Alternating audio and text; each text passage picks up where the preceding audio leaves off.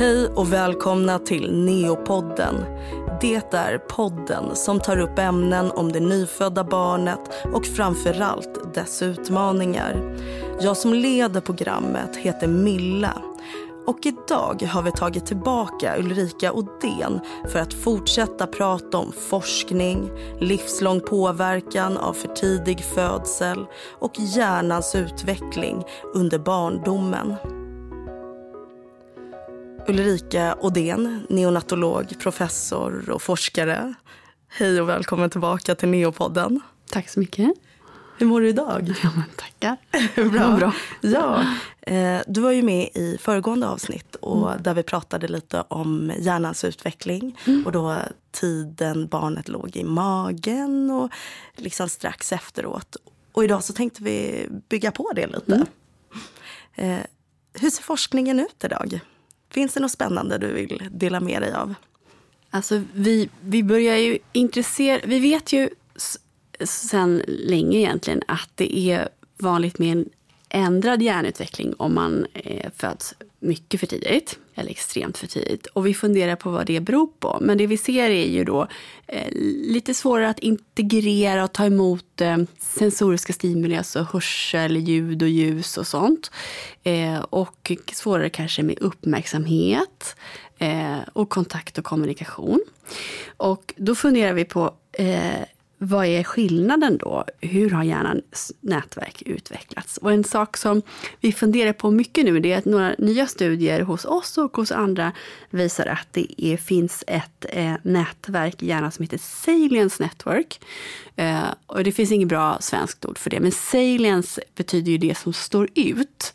Eh, och det här är då ett nätverk som hjälper oss att reglera eh, det som kommer från omvärlden, yttre nätverk och det som vår inre, eh, vår, hur, hur, vi tänker inåt, liksom, intro, hur introverta vi är och hur vi reflekterar över oss själva.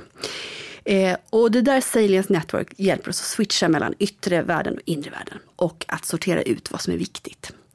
Eh, och vi ser att det är lite mindre utvecklat om man är eh, född extremt för tidigt. Och det vi funderar på idag, eh, som är vår forskningsfråga, det är om vi kan förbättra utvecklingen av just det nätverket med eh, eh det som vi faktiskt gör idag med eh, att eh, hjälpa barnet med sensoriska stimuli hud mot hud, eh, med naturlig språkstimulans eh, och eh, med en så naturlig miljö som möjligt för barnet. Och att vi på det sättet hjälper barnet att reglera sig. Okej. Okay. Mm. Eh, och det där tänker jag, det är en förmåga som återkommer sen i livet. Att vi måste reglera våra känslor. Vi måste reglera hur vi reagerar på omvärlden och så vidare. Eh, och att det har betydelse för vår... Om vi måste hela tiden eh, reagera jättemycket på, det, eh, på den här sensoriken, då, på ljud och ljus och sånt, så har vi mindre förmåga att utveckla högre intellektuella processer. Okej. Eh, så det vi har sett nej, hos eh, tio år gamla barn som är födda extremt tidigt, om vi tittar på deras utveckling av nätverken så ser vi där att de processar väldigt mycket. Eh, I hjärnan så, så mycket av kraften går åt att processa just eh, känsel, hörsel, syn, intryck. Eh, och man förstår då att de har eh, processat mindre eh, på eh, högre kognitiva nivåer, alltså eh, ja, intellektuella frågeställningar och så. Eh, och eh, det är därför som vi har ett antal studier då där vi försöker eh, göra tidiga interventioner, eh, tidig hud mot hud, det, det gör vi. Och eh, även med tillägg av det här vaggsånger, språkstimulans. Eh, och sen tidigt föräldrastöd där vi försöker hjälpa föräldrarna till att eh, eh locka barnen till tidig kommunikation. Mm. Det här var inte det absolut lättaste att hänga med i. Nej. Men så att om jag bara förstår det rätt här nu. Då har vi ett, ett nätverk i hjärnan som reglerar yttre och inre stimuli. Och det man tror nu det är att väldigt för tidigt födda har svårt att liksom switcha mellan det här.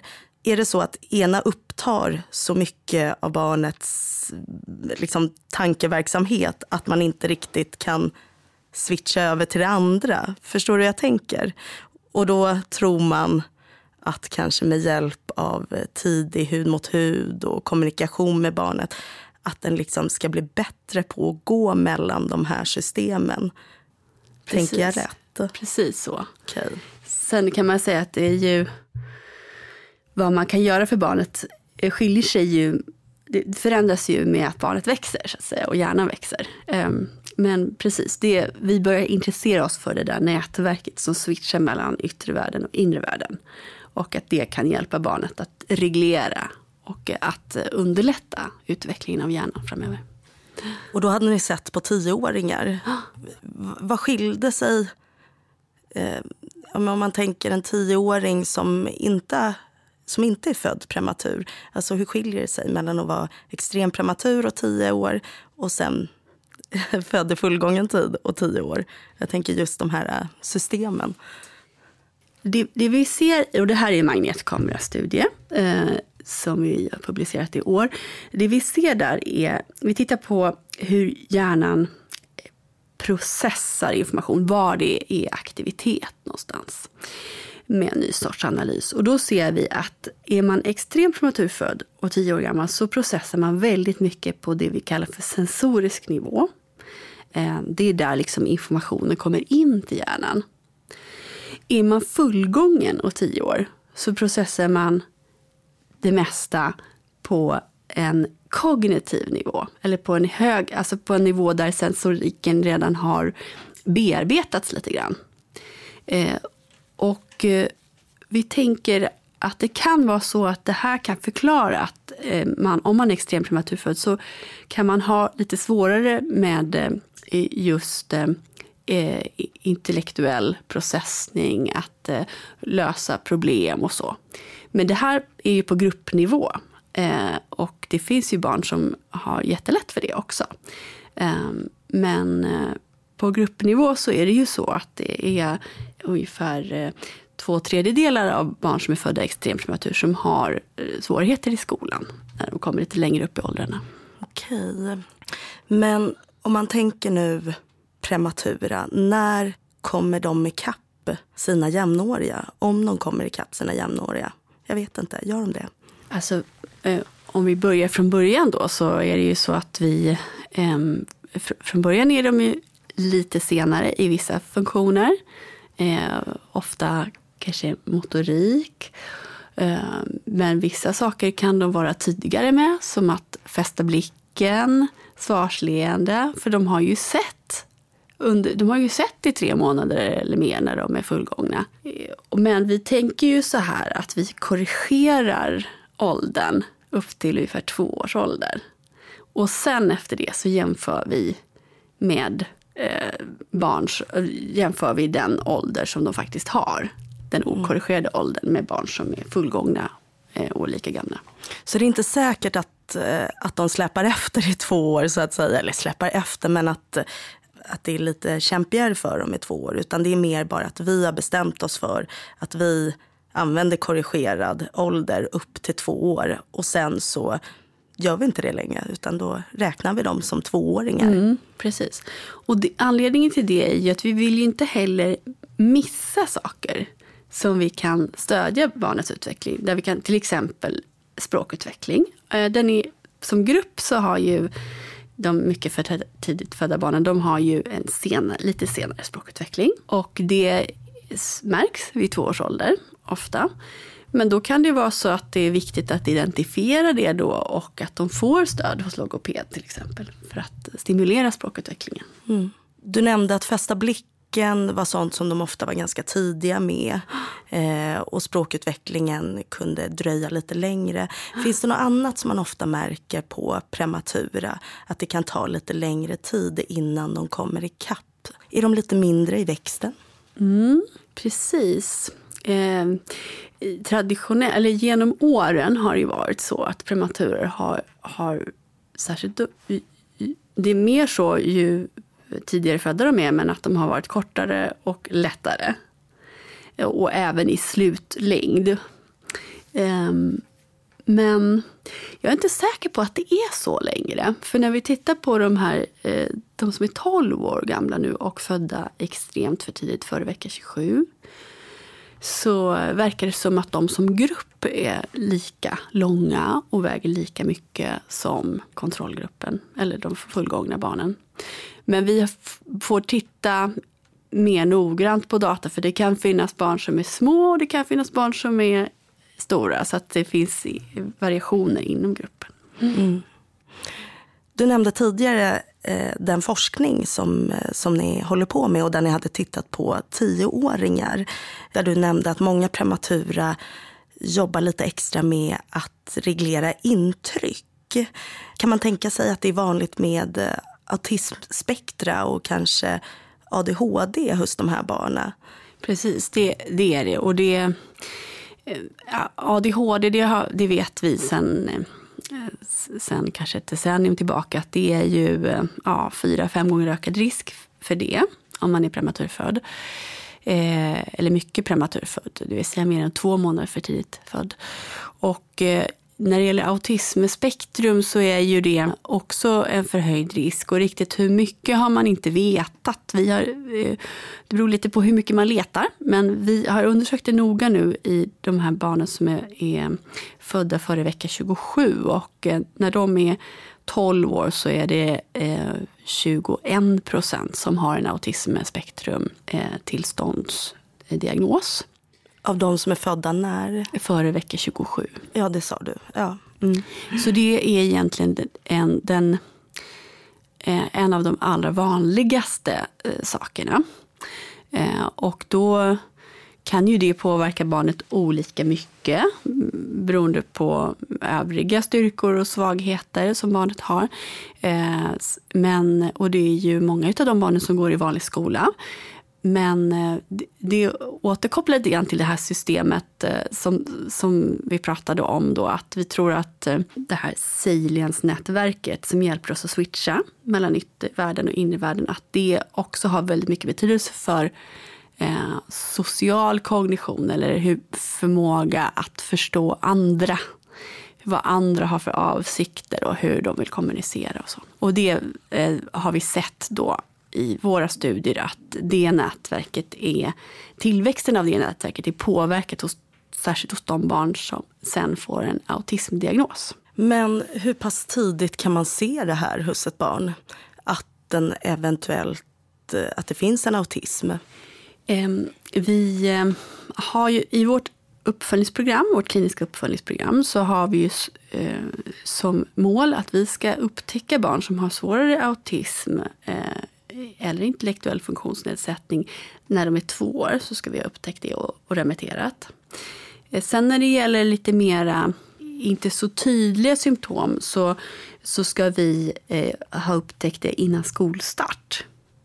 Och det är ju så för alla barn, inte bara prematur, men alla barn som har någon typ av funktionsvariation så är det ju det blir ju fler diagnoser ju längre man väntar. För det är de som har så, störst problem som upptäcks tidigast.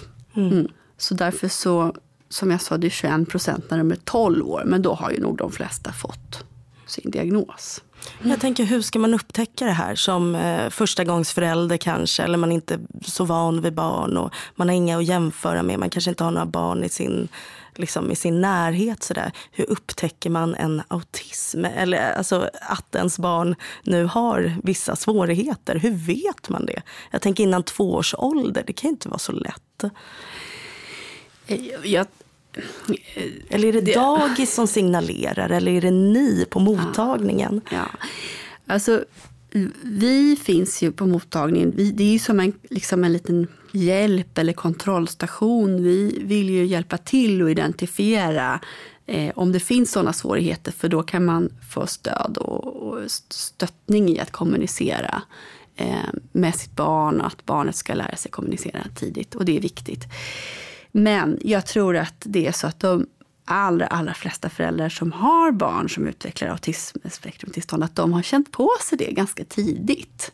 Um, och eh, tagit upp en oro för det genom vårdkedjan på BVC, på mottagningen, på NEO och så vidare.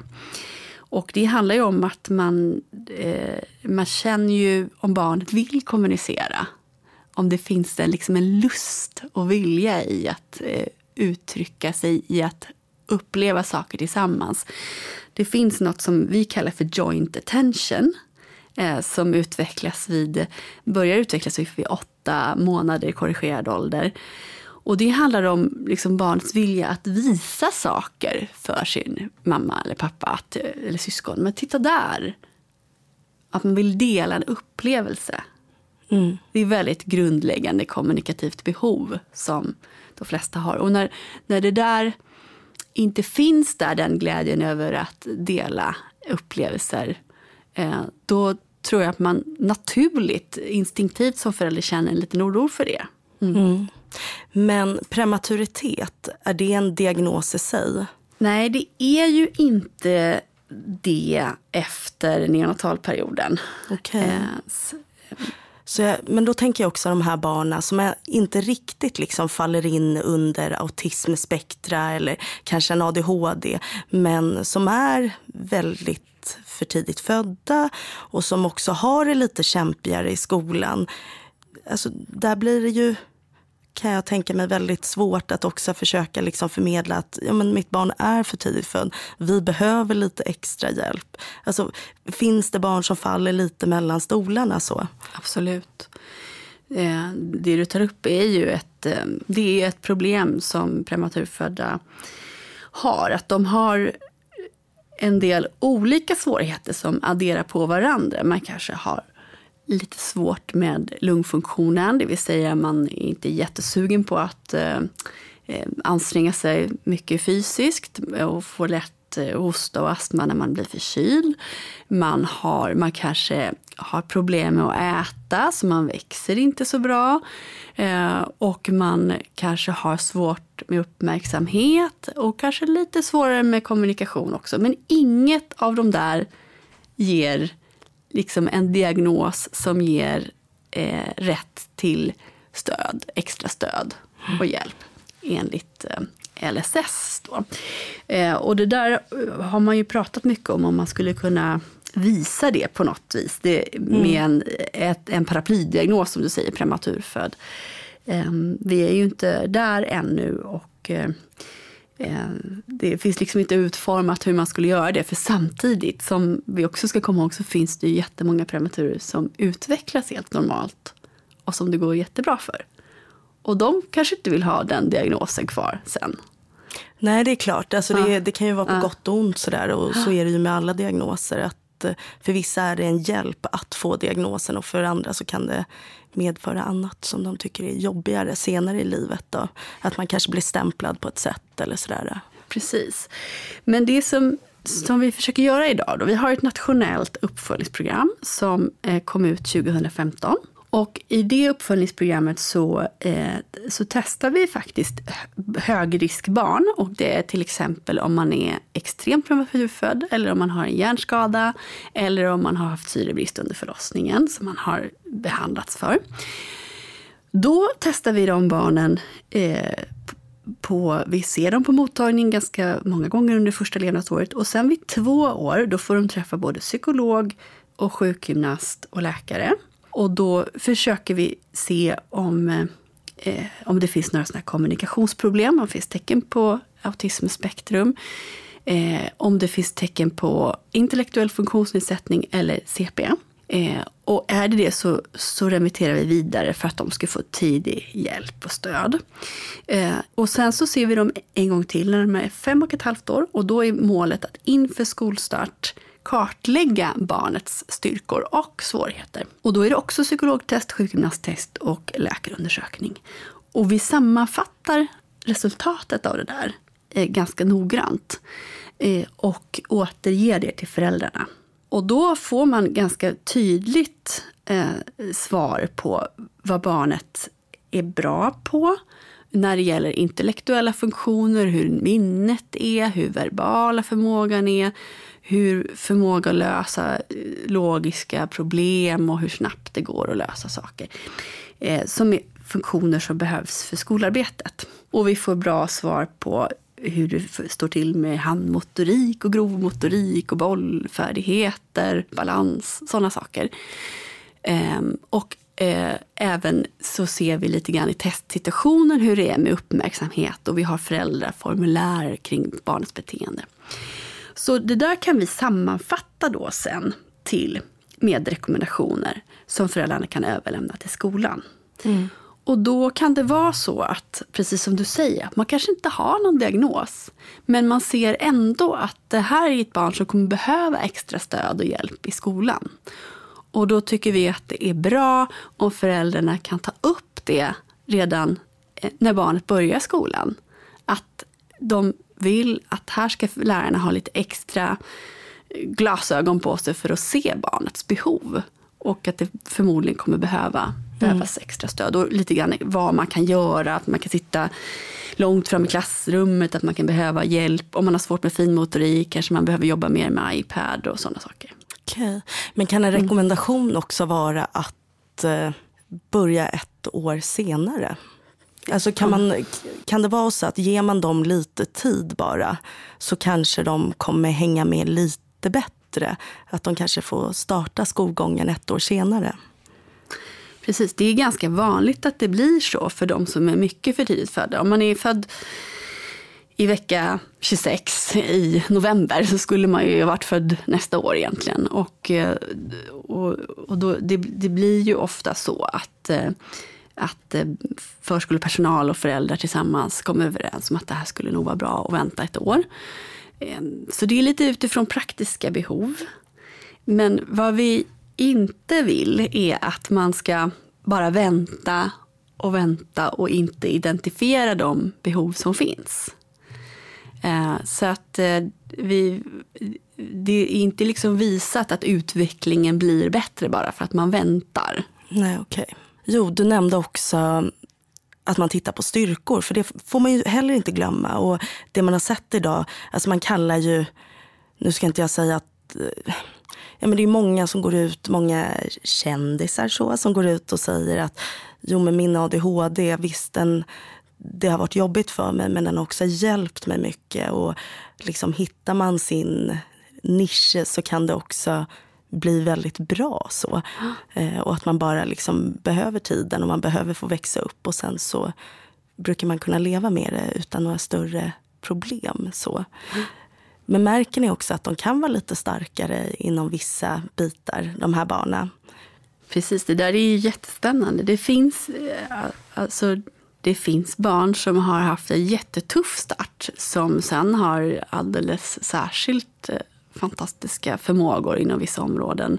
Det finns de som testar jättehögt på intelligenstest. Det finns de som är supermusikaliska. Eh, det finns extremt många prematurfödda barn som, har, som är jätteduktiga på hockey.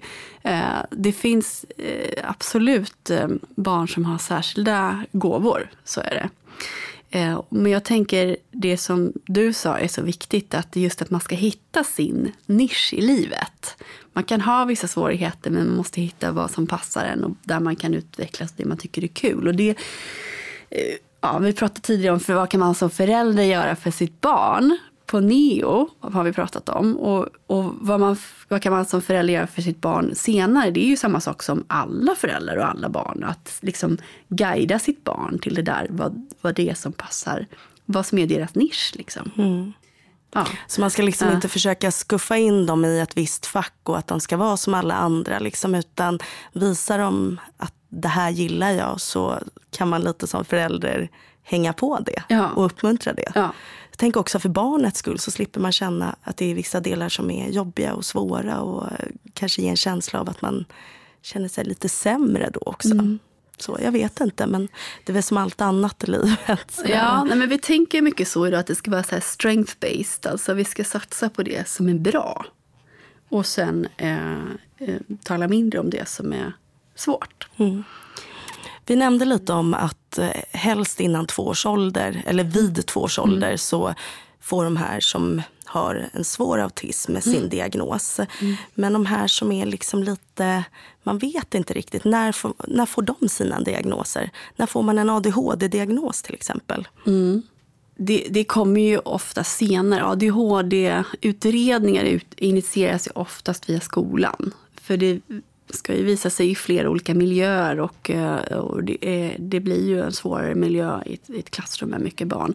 Så att det ja, lågstadiet, mellanstadiet, högstadiet. En del får ju sin diagnos när de är vuxna också.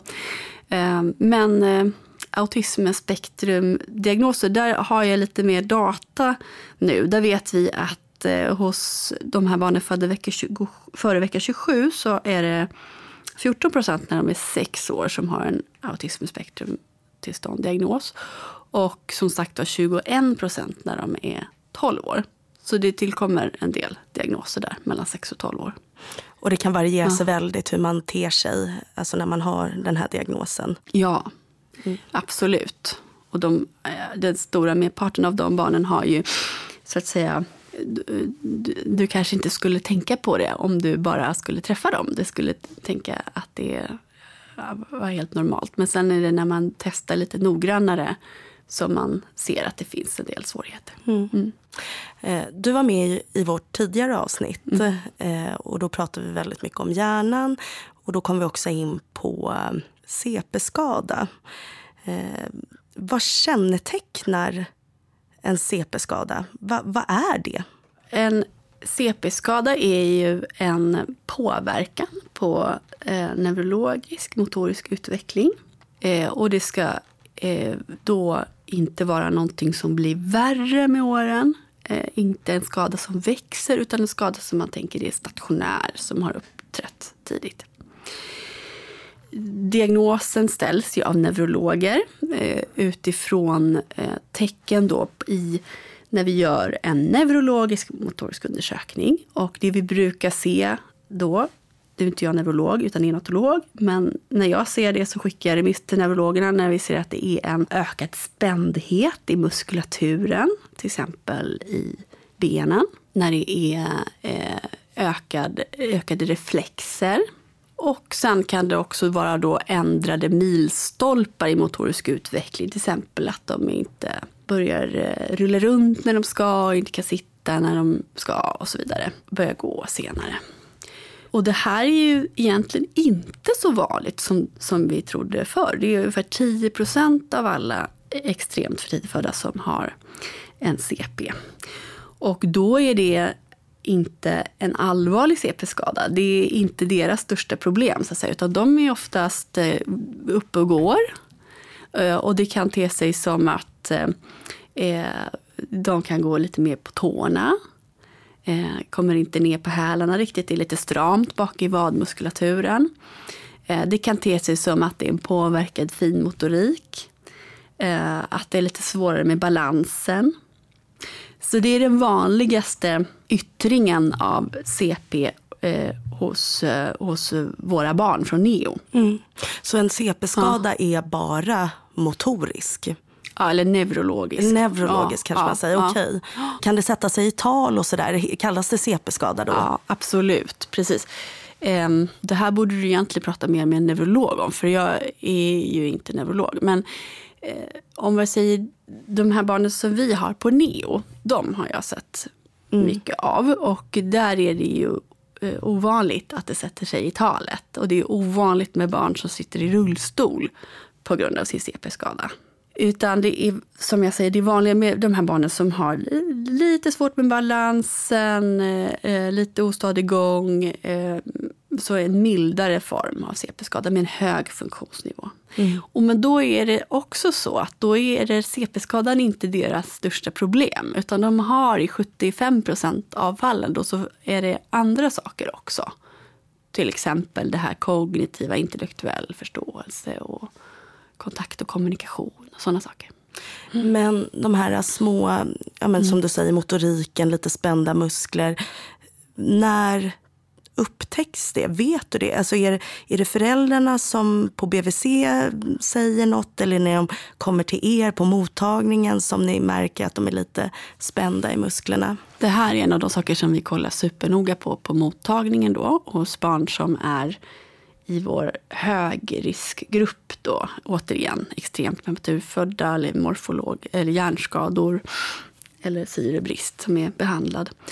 Och då tittar vi väldigt noga, sjukgymnast och läkare, när de eh, skulle ha fötts vid fullgången ålder.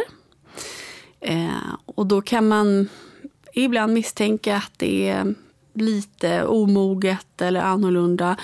Sen när de är tre månader korrigerad ålder, då kan vi ibland eh, se ett avvikande rörelsemönster, avvikelser i det här med muskelspänning och så vidare. Och eh, i vissa fall så kan vi remittera till habilitering och träning redan då, när de är tre månader korrigerad ålder. I andra fall, när det är mildare eh, former, så kanske det är mot slutet av första levnadsåret. Och, eh, vi tycker att eh, även de mildaste formerna ska vi upptäcka när de är två år. Men ibland är det väldigt milda former som man kan upptäcka mycket senare. Okej. Okay. Men jag tänker de här långsiktiga symptomen och eh, funktionsvariation och nedsättning. Så. Eh, varför skulle du säga är de vanligare hos prematura än fullgångna? Har det med neotiden att göra? Har det med liksom hjärnans utveckling att göra? Kanske en lite luddig fråga, men förstår du vad jag försöker? Mm. Sådär. Var, var, varför är det vanligare att de får vissa av de här eh, funktionsvariationerna som ja, äldre barn. Mm. Ja, det, det, är väldigt mycket relaterat till eh, vilken vecka man är född i. Okay. Så det är ju hjärnans utvecklings... Var hjärnan är i sin utveckling när man kommer ut. Och då funderar vi mycket på det som vi har pratat om tidigare med det här äh, sensoriska stimuli. Vad som kommer in för information till hjärnan och hur det påverkar hur de här nätverken utvecklas. Så det är ju den här onaturliga miljön som hjärnan utvecklas i. Det är, det är, är vi ganska övertygade om. Mm. Mm. Men om man nu har ett barn som då har vissa svårigheter och sådär. Äh, hur kan förskolan, skolan, samhället ge stöd till för tidigt födda med funktionsvariation? Här är det ju så att eh, det finns ju väldigt många barn som har, och, och ungdomar som har funktionsvariationer. Och inte alls alla utav dem är ju för tidigt födda eller har vårdats på neo. Så det är, det är många i samhället som behöver stöd ifrån skola, förskola och så vidare. Ehm, men vi kämpar ju mycket för, för våra patientgrupper som har vårdats på neo och försöker, försöker beskriva, tala om hur vanligt det är så att det blir kartlagt så att man inte liksom tappar bort att identifiera deras problem som de behöver hjälp med. Eh, sen jobbar vi mycket med att överföra den informationen till skolan. Eh, eh, och för att eh, skolan är ju de, och förskolan är ju de som kan omsätta det här till liksom ett pedagogiskt recept. Okej, vi vet att barnet fungerar så här. Men vad ska, hur ska vi, vad ska vi göra åt det i vardagen? Det är ju pedagogernas uppgift. Och då är det ju så att där forskningen står idag så vet vi inte om det finns några speciella insatser man ska göra med just de som är prematurfödda och har de här svårigheterna. Eh, eh som skiljer sig från vad man ska göra med andra barn som har samma svårigheter. Eh, så det, det är någonting vi forskar på nu då, tillsammans med Eh, specialpedagogikforskare på Stockholms universitet. Om det finns specifika interventioner man kan göra för prematurfödda. Eh, så det är ungefär så, så långt som vi har kommit idag. Utan vi, liksom, vi måste kartlägga och medvetandegöra vad det finns för problematik som de här barnen har. Och det hoppas vi ska hjälpa föräldrarna i. För det är ju så att föräldrar måste ju alltid kämpa för sina barns rättigheter. Eh, när det gäller funktionsvariationer. Eh, tyvärr är det ju så. Men vi tänker att vi är i början av en utveckling där vi nu har kommit så långt att vi hjälper till att kartlägga barnets behov. Mm. Och vi forskar på vad vi kan göra ännu bättre eh, tillsammans med pedagoger. Mm. Mm. Så en ökad medvetenhet ute i samhället och bland förskollärare och pedagoger, lärare och så. Exakt. Men vilka stödfunktioner skulle du vilja se i framtiden? I den närmaste framtiden, det som vi jobbar mycket på nu, det är hur man överför informationen in i skolan. Där finns det lite liksom, juridiska hinder som gör att vi idag eh, måste be föräldrarna bära den informationen in i skolan. Eh, så, så det är liksom det första, att, att komma medvetandegöra i skolan och få in informationen från oss till skolan. Där jobbar vi nu med checklistor tillsammans med Socialstyrelsen. Och så.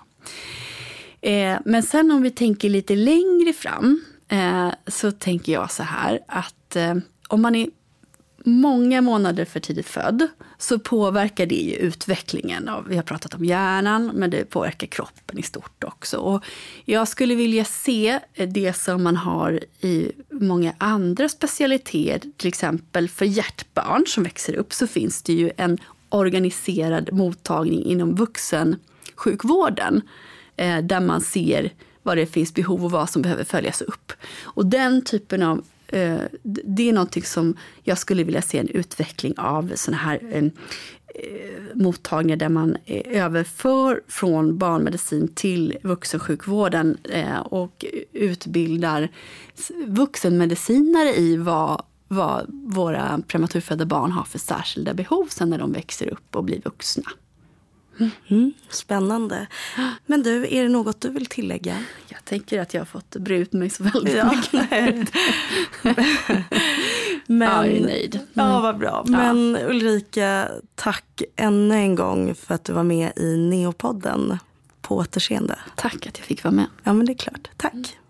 Det var allt från Neopodden den här gången och ett extra tack till Ulrika Odén som delade med sig av sin kunskap och forskning. Mille heter jag och tack ni som lyssnat. Du har lyssnat på Neopodden, en podcast som produceras av Karolinska Universitetssjukhuset. Följ gärna vårt Instagramkonto neokarolinska. Lär dig mer om neonatalvård på karolinska.se neo eller ladda ner vår mobila från App Store eller Google Play.